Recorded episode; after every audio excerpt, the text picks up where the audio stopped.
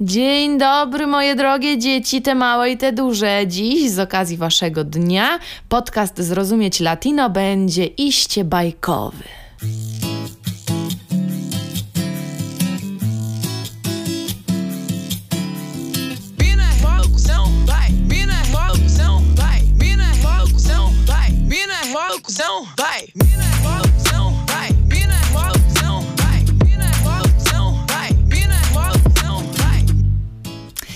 1 czerwca, Polski Dzień Dziecka, więc porozmawiajmy sobie o bajkach, które opowiadają historie związane z Ameryką Łacińską oczywiście.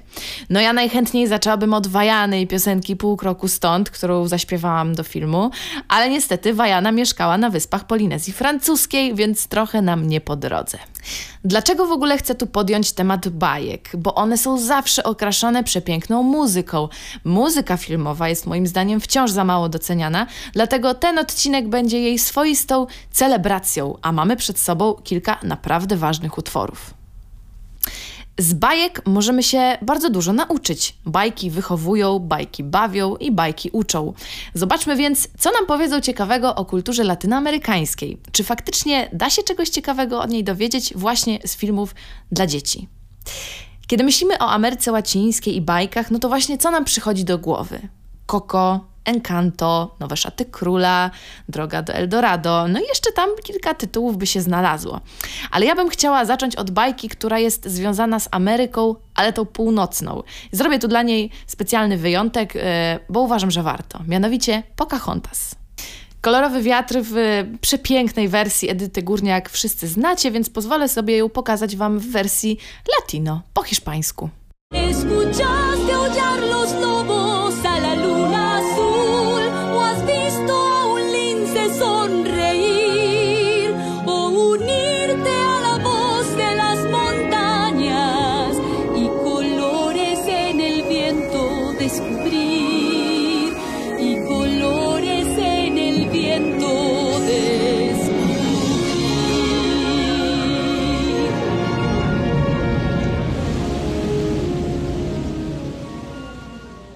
Wszyscy znamy Pocahontas i te historie miłości ponad rasą, ponad pochodzeniem, ponad podziałami.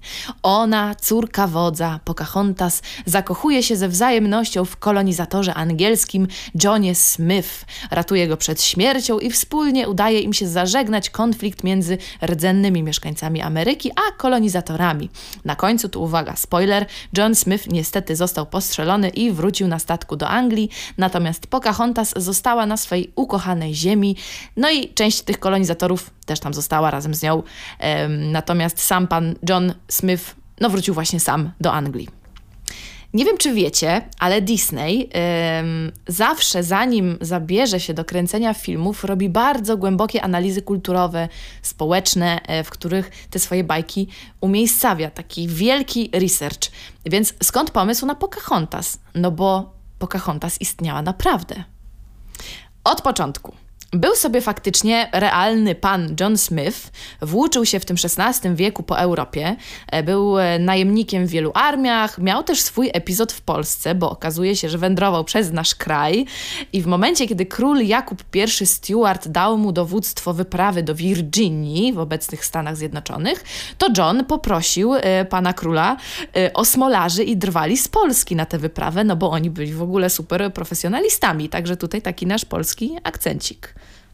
No i w 1607 roku do, e, faktycznie do tej Virginii dopłynął i założył tam osadę Jamestown, e, która jako miasto istnieje do tej pory. No i oczywiście, jak się przyjeżdża na czyjąś ziemię i się zakłada tam osadę bez pytania, no to wiadomo, że ma się kłopot z lokalsami. Y, Więc w tym przypadku też tak było. Ci kolonizatorzy nie dogadywali się z rdzennymi mieszkańcami, no też dlatego, że chcieli, żeby ci rdzenni zaopatrywali ich w jedzenie, bo im się bardzo szybko skończyły zapasy. No i któregoś dnia po prostu Johna Smitha porwali ci rdzenni wojownicy i już go przygotowywali do egzekucji, kiedy to 11-letnia córka wodza o imieniu Matoaka ochroniła go swoim ciałem, no i takim sposobem przeżył. Matoaka to oczywiście nasza bajkowa księżniczka Pocahontas, córka wodza połatana e, właśnie na terenie dzisiejszej Virginii. Jej imię w języku rdzennego ludu Tsenakomaka oznaczało rwący strumień pomiędzy wzgórzami. W ogóle przepiękne są te imiona, zawsze po prostu o, ekstra. No i prawda jest taka, że ona i John nie mieli ze sobą w ogóle relacji romantycznej, tylko raczej taką przyjacielską, jeżeli można ją tak nazwać. Natomiast faktycznie w pewnym momencie dziewczyna wzięła ślub z innym kolonizatorem, no i powiedzmy, że dało to na chwilę pokój pomiędzy rdzennymi a przybyszami, no ale też nie na długo. Problem tkwił też w tym, że właśnie dziewczyna wcześniej została porwana do obozu Anglików, bo ci chcieli wymieniać swoich jeńców z lokalsami. Była tam przetrzymywana. No oczywiście nauczyła się tam angielskiego, ale też była wielokrotnie gwałcona. Zaszła w ciążę, no co właśnie wymusiło przyjęcie tej wiary i ślub z owym panem kolonizatorem. W 1616 roku Pocahontas z mężem popłynęli do Anglii, gdzie dziewczyna była takim bardzo egzotycznym okazem na salonach. Niestety zmarła w wieku 22 lat, bo tak jak wielu rdzennych, jej odporność nie była przygotowana na europejskie choroby i zarazki. Nigdy nie wróciła do Virginii i została pochowana w Anglii. Natomiast jej linia krwi nie wygasła i okazuje się, że druga żona prezydenta Stanów Zjednoczonych Woodrowa Wilsona, czyli Edith Boiling Gold Wilson, jest potomkinią Pocahontas w dziewiątym pokoleniu. No, tak jak widzicie, e, historia w bajce została lekko podkoloryzowana, e, no a co się wydarzyło na linii rdzenni e, kolonizatorzy, to już sami wiecie z historii. Jest taka książka o tytule The Truth Story of Pocahontas dla zainteresowanych i powstał także film inspirowany tą historią z Colinem Farelem, która nazywa się Podróż do Nowej Ziemi. No, może to być ciekawe.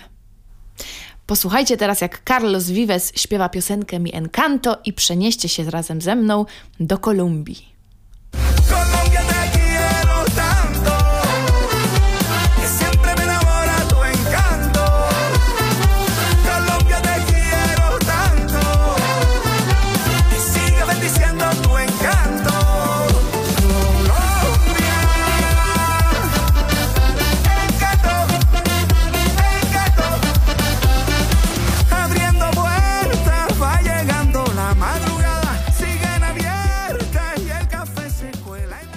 Disneyowskie Encanto to film z 2021 roku. Zdobył e, Oscara w 2022 za najlepszy długometrażowy film animowany.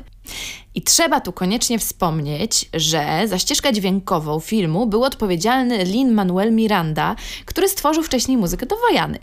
I pracował przy soundtracku Encanto razem z Germaine Franco. I tu w tym przypadku specjalnie pojechali razem całą ekipą do Kolumbii, no żeby móc się zanurzyć w tym muzycznym świecie i stworzyć coś, co będzie jak najlepiej tę Kolumbię muzycznie reprezentowało. I faktycznie w tych piosenkach słyszymy takie style jak cumbia, bambuco, salsa, bachata, reggaeton. W piosenkach głosu udzieliły także największe gwiazdy sceny kolumbijskiej, takie jak właśnie Carlos Vives, którego przed chwilą słyszeliście, Maluma, Sebastian Yatra i wielu, wielu innych. Sam soundtrack odniósł ogromny komercyjny sukces na świecie.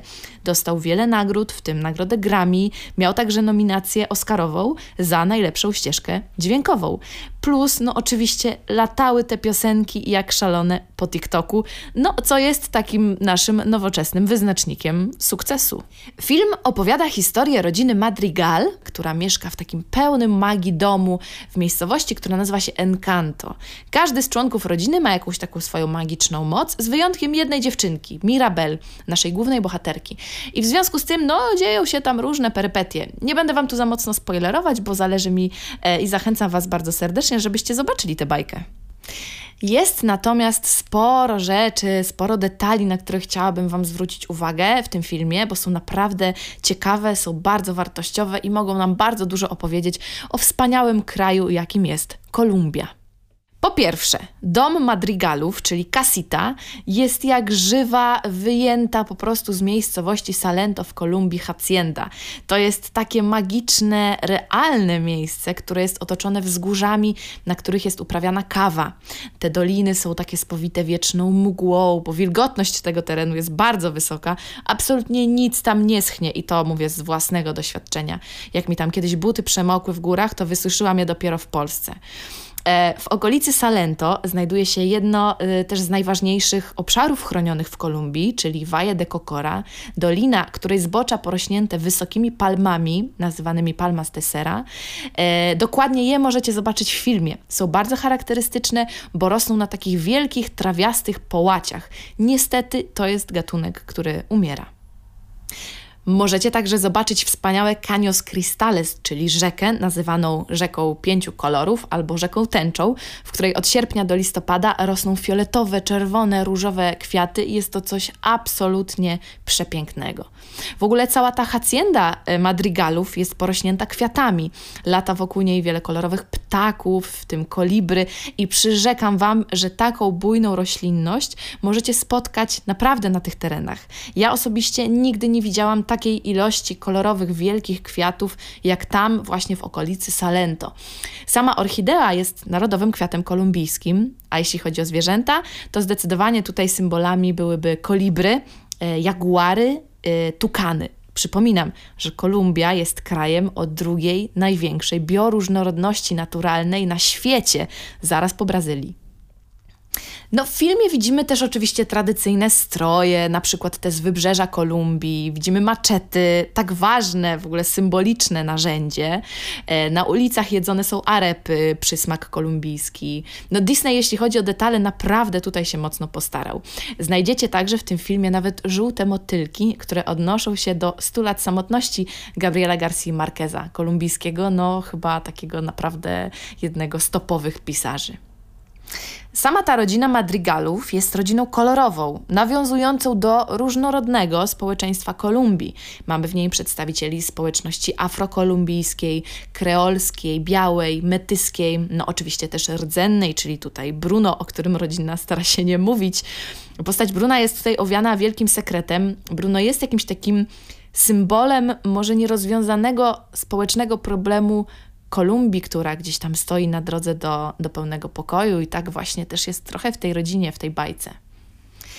Nie wiadomo dokładnie w jakim czasie historycznym została umiejscowiona ta historia, jednak mamy w filmie sceny, kiedy babcia, która rządzi haciendą, tu w ogóle wspaniały matriarchat, jeszcze e, jako młoda kobieta, razem z mężem i małym dzieckiem musiała uciekać przed tajemniczymi najeźdźcami na koniach.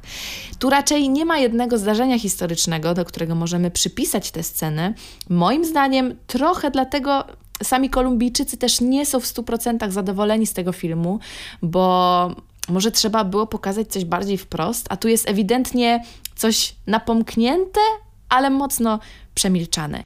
Jeśli interesuje Was, jak sami Kolumbijczycy właśnie odnoszą się do swojej historii i jaki społecznie wywarła na nich wpływ, to jest wspaniała książka Macieja Wesołowskiego, Café Macondo, reportaże z Kolumbii. Zdecydowanie polecam. No sama Kolumbia ma historię pełną traum, bratobójczych walk, wojny domowej. To jest taka wciąż trochę otwarta rana. Ci najprostsi ludzie z wielu powodów w wielu miejscach tej historii musieli uciekać, żeby szukać spokoju. E, Więc ten film Encanto jest trochę o takim zaakceptowaniu trudnej przeszłości, może wybaczeniu sobie nawzajem, zapomnieniu jakby o tym, kto po której stronie stał i dzięki temu zrobieniu tego kroku naprzód. Zwróćcie uwagę, że sam film nawet ym, nie otwiera ten słynny zamek Disneya, tylko właśnie ta mała hacienda. Zamek byłby dla Kolumbii czymś zupełnie odklejonym, abstrakcyjnym i wiecie, to nie jest kolejny film o księżniczce, tylko o zwykłej dziewczynie i to w okularach. To jest pierwsza bohaterka Disneya w okularach, która próbuje się odnaleźć wśród swojej rodziny, która jest magiczna, a tylko ona jedna nie posiada tej supermocy, a tylko ona jedna jest w stanie tę rodzinę uratować. Okazuje się, że główną konsultantką Disneya przy tym filmie była dziewczyna z małej miejscowości Barichara, która prowadzi tam swoją księgarnię. I twórcy filmu tak mocno się na niej opierali, że główna bohaterka Mirabel jest do niej zaskakująco podobna. Ja się bardzo cieszę, że powstał taki film właśnie o Kolumbii, bo być może dzięki tej bajce takim popularnym obrazem tego kraju stanie się właśnie ta pełna kwiatów, ptaków, magii i ciepła rodzinnego hacienda wśród pól kawowych. Jak kiedyś będziecie w Kolumbii, koniecznie odwiedźcie region, szczególnie Salento.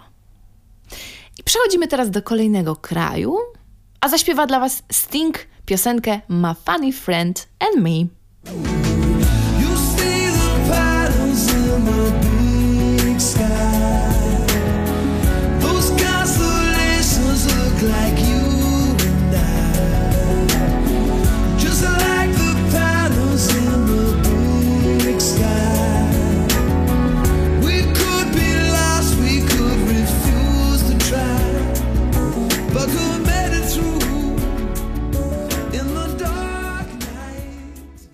Szaty króla. Pamiętacie taką bajkę?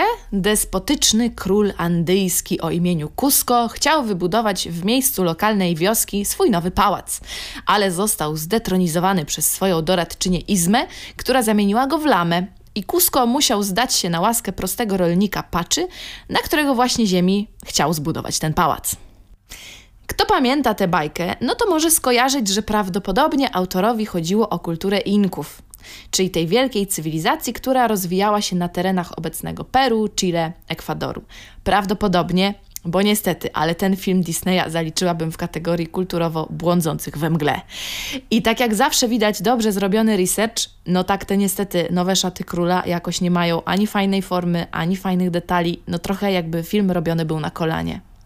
Co na przykład ja wyłapałam? Yy, No, sceneria filmu faktycznie przypomina wysokie Andy, szczyty, które wystają nad chmurami. To fajne. Faktycznie to królestwo Cusco ocieka złotem, no i z tego też byli znani Inkowie, że to złoto umieli wspaniale e, obrabiać, zagospodarować, mieli go dużo, używali do wielu rzeczy. Samo imię króla, czyli Cusco, no odwołuje się do miasta Cusco w Peru, które jest miastem historycznym, założonym przez Inków właśnie. No i jak to często później bywało w miejscu największego kultu tej cywilizacji, Hiszpanie y, jakby zburzyli to, co było i postawili tam swoją katedrę. Z ciekawostek też oficjalna flaga miasta Cusco jest flagą tęczową. E, Z miasta Cusco być może kiedyś ruszycie, będąc na wakacjach, zwiedzać Machu Picchu. I mówiąc Inkowie, mam na myśli całą cywilizację, ale warto tutaj też wspomnieć, że tym tytułem Inka mogli nazywać się tylko no, ci tacy arystokraci, rządzący, bo imperium Inków miało pod sobą wiele, wiele różnych grup rdzennych nie-Inków. Więc tutaj jest to takie rozgraniczenie na osoby jakby wyższe stanem. No tak jakby ci z tytułem Inka byli taką trochę rodziną królewską. E, No i widać w tej bajce właśnie tą hierarchię społeczną, ten tron, który jest tak wielki, stromy i wysoki, prawie jak y, do Boga. Mm, No bo właśnie Sapa Inka był nazywany synem słońca, więc te, ten ich król, Sapa Inka, więc te cechy boskie jak najbardziej posiadał. No natomiast e, fakapy tego filmu to na pewno. E, pojawia się w pewnym momencie sombrero, czyli kapelusz prosto z Meksyku, co jest dla mnie zupełnie niezrozumiałe. Pojawia się w pewnym momencie piniata, no, która raczej dla Peru nie jest jakaś bardzo charakterystyczna. Piniata, uwaga, w kształcie lamy, która jest w ogóle najbardziej popularna w Stanach Zjednoczonych, a nie w Ameryce Łacińskiej. Sama postać tej wiedźmy Izmy spodziewałabym się, że będzie miała jakieś takie tło kulturowe, a zupełnie go nie znalazłam, oprócz obecności piór w jej ubiorze. Bardzo dużym przeoczeniem jest wóz, z którym rolnik Pacza przybywa do stolicy. Uwaga, wóz w filmie był na kołach, a w Imperium Inków kół nie znano. Bardzo duże przeoczenie. No i co się okazało? Słuchajcie, w 94 roku wyszedł Król Lew. Osiągnął ogromny sukces, a jego reżyser Roger Allers no na fali tej dobrej energii wpadł na pomysł stworzenia bajki pod tytułem Imperium Słońca, która miałaby zawierać mity Inków. Miała to być historia, w której skromny pasterz Lam zamienia się ciałem z próżnym księciem, no a ta straszna wiedźma próbuje przysłonić słońce, czyli to najwyższe bóstwo Inków. Za całą ścieżkę dźwiękową miał odpowiadać właśnie Sting. Fajnie, nie? Ja bym w ogóle bardzo chciała taki film zobaczyć. No ale co się wydarzyło? Ten film w zasadzie powstał i był już prawie skończony, no ale rozmowy i dyskusje nad nim trwały i trwały, ekipa się ciągle zmieniała, ciągle coś komuś nie pasowało, aż w końcu w wyniku wielu niesnasków po prostu odłożyli ten pomysł na półkę i inny reżyser zrobił z tego filmu komedię Nowe Szaty Króla. W związku też z przeciągającym się mm, e, tym procesem jakby tworzenia, Disney narzucił ekipie bardzo krótki termin oddania filmu, bo uwaga, miał już podpisaną umowę z Happy Mealem w McDonaldzie na zabawki z tego filmu. No więc takim sposobem po prostu nowe szaty króla powstały szybko na kolanie, a ze świetnej ścieżki dźwiękowej, którą Sting faktycznie stworzył, zostały w tym filmie tylko dwie piosenki. Królestwo Słońca nigdy nie ujrzy światła dziennego, ale w trakcie prac powstał całkiem kontrowersyjny film dokumentalny żony Stinga o tytule The Sweatbox. To jest film zbanowany przez Disneya. Jest oczywiście w internecie i to jest film o tym, jak nie powstał wspaniały film Imperium Słońca. A teraz przez chwilę poczujemy się jak bogowie życia, szukający złotego, mitycznego miasta.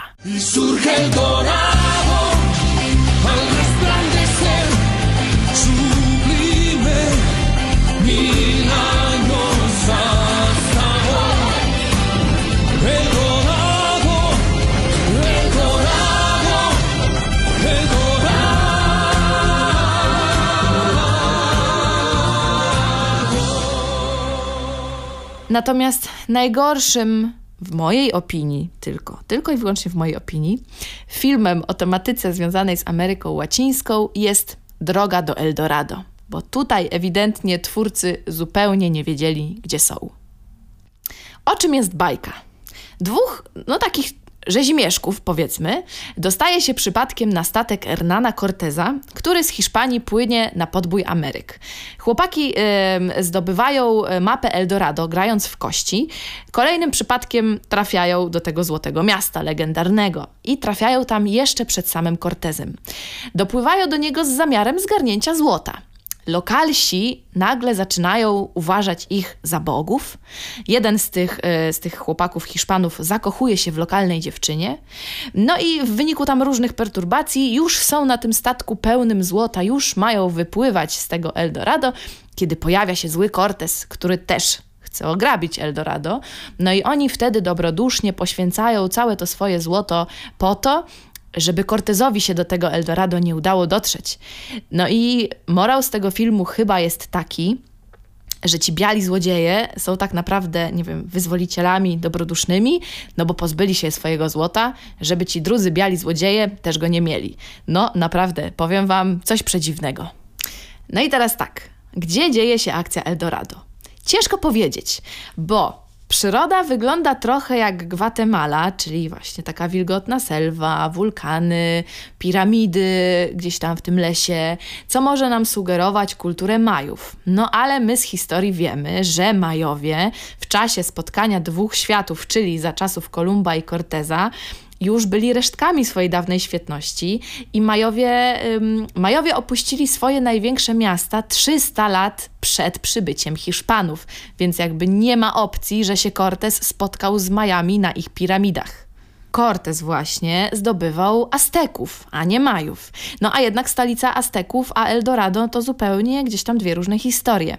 Samo Eldorado jest umie- umiejscawiane w ogóle w Kolumbii i jak przyjedziecie kiedyś do Bogoty, to wysiądziecie na lotnisku właśnie Eldorado.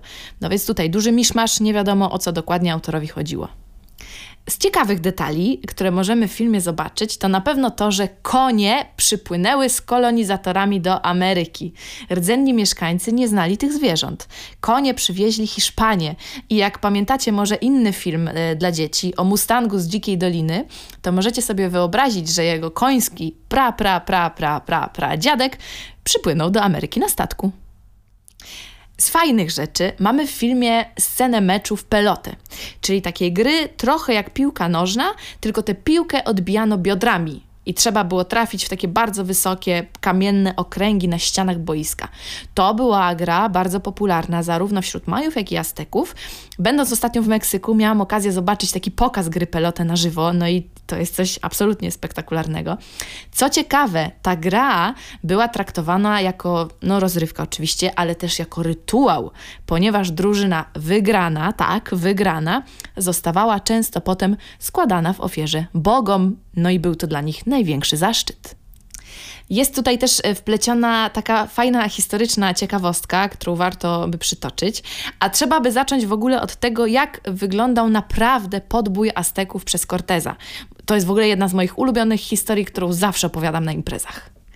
Cortez wypłynął na podbój terenów obecnego Meksyku w 1519 roku.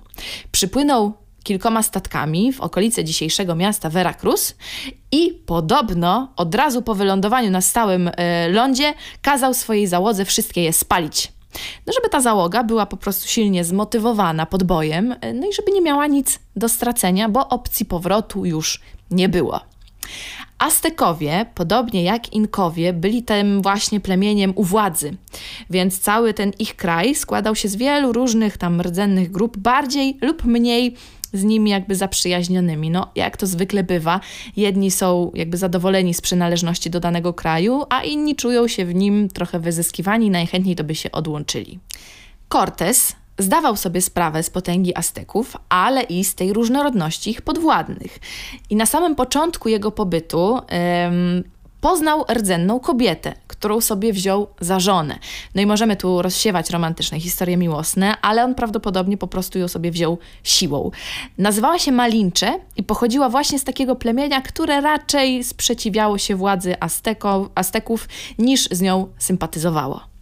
I między innymi dzięki tej właśnie dziewczynie Cortez poznał trochę języka, była jego tłumaczką, poznał historię, ale przede wszystkim poznał legendy, przepowiednie ludowe, które są w tej historii kluczowe. Bo taka największa przepowiednia aztecka mówiła o tym, że pewnego dnia miał powrócić do domu wielki Bóg Quetzalcoatl, pierzasty wąż. Miał nadejść ze wschodu. Bóg, który według mitologii Azteków, Majów i Tolteków stworzył ludzi, najwyższy w hierarchii. I jak oglądaliście na przykład najnowszą część Czarnej Pantery, to tam pojawia się taki Bóg Kukulkan. To jest dokładnie ten sam Bóg, tylko o imieniu, jaki mu nadali Majowie. No i w ogóle siódmy cud świata, czyli piramida Chichen na Yucatanie, jest właśnie poświęcona Kukulkanowi. No i Cortés znał te przepowiednie. Wchodząc do stolicy Azteków, wykorzystał legendę i został okrzyknięty właśnie tym powracającym bogiem Quetzalcoatlem. Z ciekawostek jeszcze, w tych przepowiedniach pojawiało się też zdanie o jakimś takim czarnym dniu, o schowaniu się słońca i faktycznie w tym 500, 1519 roku na terenach Meksyku można było dostrzec w ciągu dnia całkowite zaćmienie słońca, co dla ludzi było totalnie wielkim znakiem od bóstw, którego no nie dało się pominąć, więc było swoistym potwierdzeniem tego wielkiego wydarzenia, jak powrót Quetzalcoatla. Z tego miejsca bardzo Wam polecam też film Apokalipto. Ja, ja go w ogóle uwielbiam. Natomiast na jego końcu tam jest taki duży błąd historyczny, bo film traktuje w teorii o Majach, no a na końcu mamy scenę, w której pojawiały się na, na horyzoncie właśnie hiszpańskie statki. No a już wiemy, że między tymi podmiotami po prostu mamy 300 lat różnicy. Natomiast sam film pod kątem klimatu, zdjęć, detali, kolorów, obrazu, moim zdaniem jest bardzo realistyczny i wspaniale oddaje jak ten tamten w ogóle tajemniczy bardzo czas. Taki znak z niebios możemy też zauważyć w filmie Droga do Eldorado, bo tam e, rdzenni też myśleli, że właśnie ci dwaj e, biali są bogami, kiedy jeden z nich mówił, po prostu wulkan zaczął wybuchać. I to było takim potwierdzeniem właśnie tej ich boskości. No i dlatego byli tak dobrze traktowani i dostali tyle złota. No a Cortés w tym po prostu XVI wieku wszedł do stolicy Azteków, do cesarza Montezumy, jak Bóg, jak do siebie, a jak się Aztekowie pokumali, że Bogiem to on nie jest, no to już było za późno. Ciekawą rzeczą jest też temat właśnie tej rdzennej kobiety Malincze, która stała się swojego rodzaju no, matką narodu, obok ojca Corteza. No, co, trochę nieciekawi rodzice, jeśli mam być szczera. Zwróćcie kiedyś uwagę, że jak słyszycie przekleństwa po hiszpańsku gdzieś, nie wiem, w filmach, serialach na żywo, to w większości krajów mówi się hijo de puta, czyli skurwysyn, a tylko w Meksyku mówi się hijo de chingada, czyli syn zgwałconej. To jest w ogóle najgorsze przekleństwo. I to jest totalnie kolonialna pamiątka właśnie po Malincze w języku obecnego Meksyku.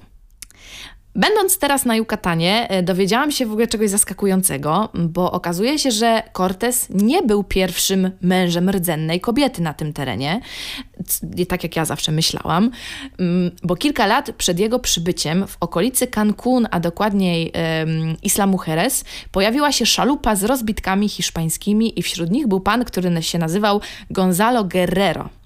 No i ci rozbitkowie zostali pojmani przez Majów.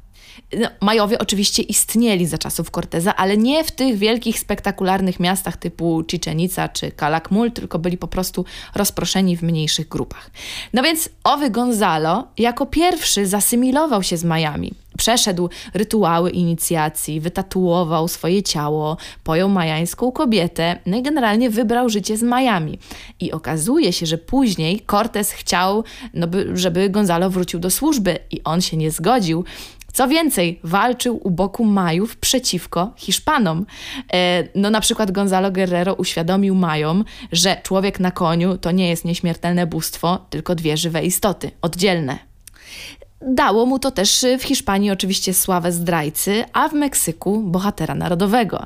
Jest też jedna wersja y, mówiąca o tym, że Gonzalo był tłumaczem Corteza przez chwilę, być może był zmuszony siłą, tutaj nie wiem, teorii jest dużo.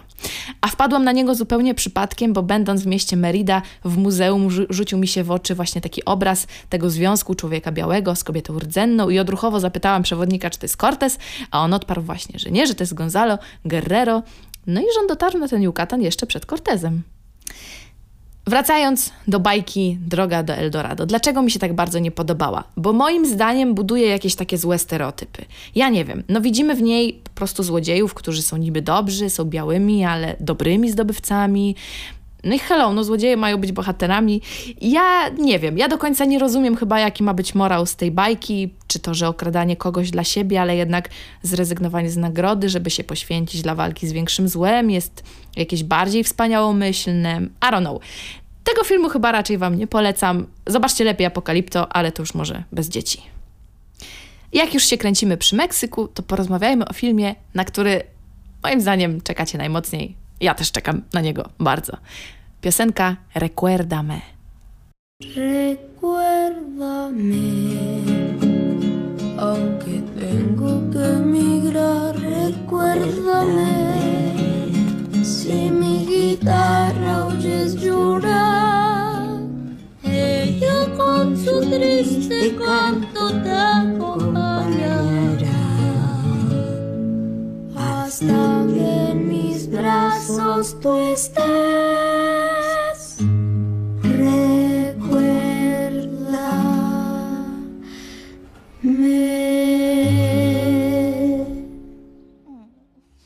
Film Coco to zdecydowanie najlepsza bajka o temacie latynoamerykańskim, jaką widziałam. Ogólnie no, jest na moim pierwszym miejscu egzekwo z Wajaną oczywiście. Em, z tego filmu możecie totalnie uczyć się o kulturze Meksyku, wyciągać ogrom ciekawostek związanych przede wszystkim ze sławnym Dia de los Muertos, czyli święcie zmarłych. Jestem absolutnie zachwycona, jak w ogóle idea tego święta została przepięknie oddana w tej bajce. Za każdym razem płaczę, jak ją oglądam. Dla tych, którzy nie widzieli, szybki skrócik. Coco to historia Miguela, który urodził się w rodzinie szewców. Bardzo chciał zostać muzykiem. Jednak legenda rodzinna głosi, że jego prapradziadek był muzykiem i porzucił swoją rodzinę. Więc jakiekolwiek instrumenty są w domu zakazane. Miguel nie ustępuje i próbuje spełnić swoje marzenie, czyli wystąpić w miejscowym konkursie talentów, zagrać na gitarze i zaśpiewać. Jednak w wyniku różnych perturbacji zupełnie przypadkowo trafia do krainy zmarłych. No i tam dzieje się dużo, dużo. Kto nie widział, koniecznie po odsłuchaniu tego odcinka odpala Disney Plus i ogląda Coco. A skąd nazwa Coco? Coco to imię prababci Miguela. Dlaczego jest taka ważna? No oprócz tego, że prababcie są generalnie bardzo ważne, no to tu nie macie wyjścia, musicie dowiedzieć się tego z filmu. Porozmawiajmy sobie właśnie o Dia de los Muertos, czyli meksykańskim święcie zmarłych. W Polsce wszystkich świętych i zaduszki.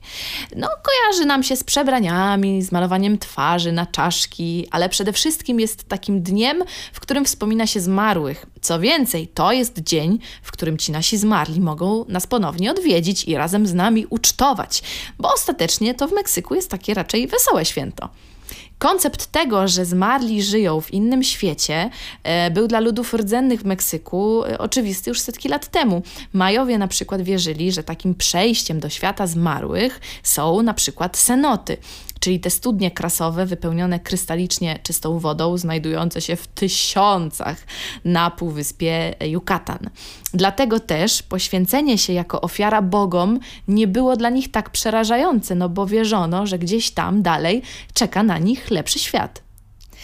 Jeśli chodzi o malowanie twarzy na czaszki, parady, to tu taka ciekawostka. Jeśli oglądaliście Spektry, film o Jamesie Bondzie, to tam jest taka scena otwarcia, właśnie, która dzieje się na paradzie kościotrupków w mieście Meksyk. Wielka, ogromna parada.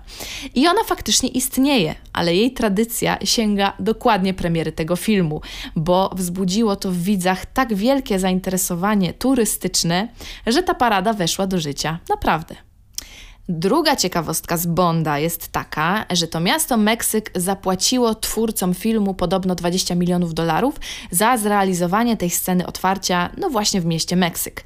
W umowie też zawarto, że fabuła nie może dotyczyć ani korupcji, ani wojny z gangami narkotykowymi. I faktycznie ten początek Spektry jest jednym z moich ulubionych w ogóle w filmach o Bondzie. Twórcy chcieli tę scenę zamknąć panoramą miasta Meksyk, ale tej biedniejszej części. I tu za naciskami władz, no kto płaci, ten wymaga, zostało to zmienione. E, I gdy James Bond odlatuje helikopterem z Meksyku, widzimy biznesowe centrum miasta z drapaczami chmur. No jednak Meksykowi bardzo zależy na tym, żeby dostrzec w nim także tę tę kulturalną, ciekawą, tę nowoczesną stronę, która aktualnie bardzo kwitnie. No więc jak rodzina Miguela świętuje święto zmarłych w filmie Coco? Ustawia przede wszystkim na takich ołtarzykach zdjęcia swoich najbliższych, ofiarowuje im jedzenie, picie, żeby nie byli głodni jak przyjdą. Dekoruje groby tymi pomarańczowymi kwiatkami. Są to aksamitki, sezonowe kwiaty Meksyku, które faktycznie stały się już takim symbolem tego dnia. I one właśnie tworzą tę swoistą drogę dla tych naszych zagubionych zmarłych, drogę do domu. W samym Koko, jak zobaczycie ten wielki most pomiędzy światami żywych i zmarłych, jest on właśnie usłany aksamitkami. Przepięknie jest w tym filmie oddany koncept duszy, którą każdy człowiek dzieli z jakimś zwierzęciem. Jeśli jakieś zwierzę cierpi, to ten człowiek, który dzieli z nim duszę, cierpi też. I to właśnie dzieje się w krainie zmarłych. Tam ludzie posiadają takich swoich zwierzęcych przewodników duchowych, które nazywają się alebrijes. E, I te kolorowe zwierzaki właśnie towarzyszą naszym bohaterom w zaświatach. Historia z Alebrijes jest w ogóle całkiem zabawna, bo był sobie kiedyś pan Pedro Linares, em, który był w swoim czasie bardzo ciężko chory i w tych swoich sennych majakach zobaczył właśnie te dziwne, kolorowe stworzenia w jakiejś w bardzo dziwnej krainie. I to były na przykład y, osioł ze skrzydłami, kogut z rogami byka, no i takie różne. I one wszystkie tak nad nim latały i krzyczały Alebrijes, Alebrijes, Alebrijes. I w tym śnie spotkał także człowieka, który zaskoczony, że go zobaczył, powiedział do niego: Ty jeszcze nie powinieneś tutaj być. Czyżby przedwcześnie trafił do krainy zmarłych? No, może jest taka szansa. Jak kiedyś byliście w Meksyku, to na pewno widzieliście takie drewniane, malowane, małe, kolorowe zwierzątka na sekcji pamiątek. To są właśnie alebrijes. Takim ważnym towarzyszem duchowym jest też pies Xolojtzuykintle. Nie mam pojęcia, czy dobrze to powiedziałam. To jest nazwa y, jakby rasy psa z języka nałatl. W każdym razie w skrócie mówi się pies Szolo. A w filmie pies Dante, który towarzyszy Miguelowi zarówno w świecie żywych, jak i w świecie zmarłych. Samo imię Dante no, nawiązuje do boskiej komedii Dantego Alighieri, czyli właśnie o historii, e, o wizycie w zaświatach. Rasa psa Szolo pisze się Xolo, ale w Meksyku często X wymawia się jak szy. E, Było, była bardzo popularną rasą psów już w czasach przedhiszpańskich. Ludzie wierzyli, że właśnie te psy odprowadzają ich do świata zmarłych. Ta rasa ostatnio znowu zdobywała bardzo dużą popularność w Meksyku i ja faktycznie też kilka takich piesków na ulicy widziałam. W filmie Coco pojawiają się też znane Meksykowi twarze, y, czyli na przykład Frida Kahlo. E, No to na pewno wszyscy oglądając ten film ją rozpoznacie, ale jest także Diego Rivera, czyli mąż Fridy, o którym mówi się dużo rzadziej, a jego spuścizna artystyczna no, jest naprawdę spektakularna. E, moim marzeniem jest zobaczyć je kiedyś na żywo. Pojawia się Emiliano Zapata, o którym mówiliśmy w pierwszym odcinku, wielka postać Meksyku. W filmie jest też taka scena, w której Miguel razem z Ernesto de la Cruzem i innymi ludźmi śpiewają piosenkę przy fortepianie i tam właśnie w tej grupie znajduje się sporo ważnych osobistości, jak na przykład El Santo, czyli aktor i luchador, czyli walczący w walkach lucha libre. Podobno nigdy nawet do snu nie zdejmował swojej maski. Znajduje się też, też tam Pedro Infante, znany muzyk, Dolores del Rio, wielka gwiazda filmowa, Maria Felix, e, Jorge Negrete, no i bardzo dużo innych. Super ukłon w stronę kultury muzycznej i filmowej Meksyku. Moją ulubioną piosenką, która pojawia się w filmie Coco, jest La Llorona, czyli dosłownie płaczka. To jest taka pieśń i legenda znana już od setek lat. Ostatnio nawet powstał w Hollywood film inspirowany La Joroną o polskim tytule Topielisko, klątwa La Jorony. Legenda mówi o kobiecie ubranej na biało, którą porzucił mąż, no i ona w tej swojej rozpaczy utopiła swoje dzieci w rzece. I teraz, żałując swojego czynu, błąka się od miasta do miasta i płacze, wołając: Moje dzieci, co wam zrobiłam? Płaczka jest bardzo ważną postacią, legendą miejską, której też historia różni się w zależności od różnych części Meksyku i Centroameryki. To jest taka postać, którą straszą dzieci, babcie i dziadkowie. Zanim Wam pokażę wspaniałą wersję tej piosenki, którą zaśpiewała Chavela Vargas, posłuchajcie tekstu. Nie wiem, co mają w sobie kwiaty płaczko, kwiaty ze świętego pola, że kiedy wiatr je poruszy płaczko, wyglądają jakby płakały. O płaczko, płaczko, jesteś moją ukochaną. Odciągnął mnie od kochania cię płaczko, ale od zapomnienia o tobie nigdy. Świętemu Chrystusowi na krzyżu płaczko powiedziałam swoje grzechy. A to, co nie było moim grzechem płaczko, nad tym płakał Chrystus. Och, płaczko, płaczko z liliowego pola. Ten, który nie poznał miłości płaczko, nie wie, co to męczeństwo. Noszę w swojej duszy dwa pocałunki płaczko, które mnie nie opuszczają. Ostatni od mojej matki płaczko i pierwszy, który ci podarowałam. Och, płaczko, płaczko, zabierz mnie nad rzekę. Okryj mnie swoim szalem płaczko, bo umieram z zimna. No sé qué tienen las flores, llorona, las flores del campo santo. No sé qué tienen las flores, llorona, las flores del campo santo. Que cuando las mueve el viento, llorona, parece que están llorando. Na koniec, moi drodzy, jest jeszcze jedna bajka o Ameryce Łacińskiej, która nazywa się Tajemnicze Złote Miasta. Ja tej bajki z mojego dzieciństwa zupełnie nie kojarzę, ale myślę, że wielu z Was może. Więc teraz ja bym się chciała czegoś dowiedzieć od Was. Przypomnijcie sobie, jakie postacie historyczne albo realne miejsca znalazły się w bajce Tajemnicze Złote Miasta. Możecie do mnie pisać na Instagramie, nazywam się Nat Nykiel. Jestem mega ciekawa. A jeśli jeszcze nie wiecie, o jaką bajkę chodzi, to na koniec posłuchajcie fragmentu z jej czołówki. Do usłyszenia!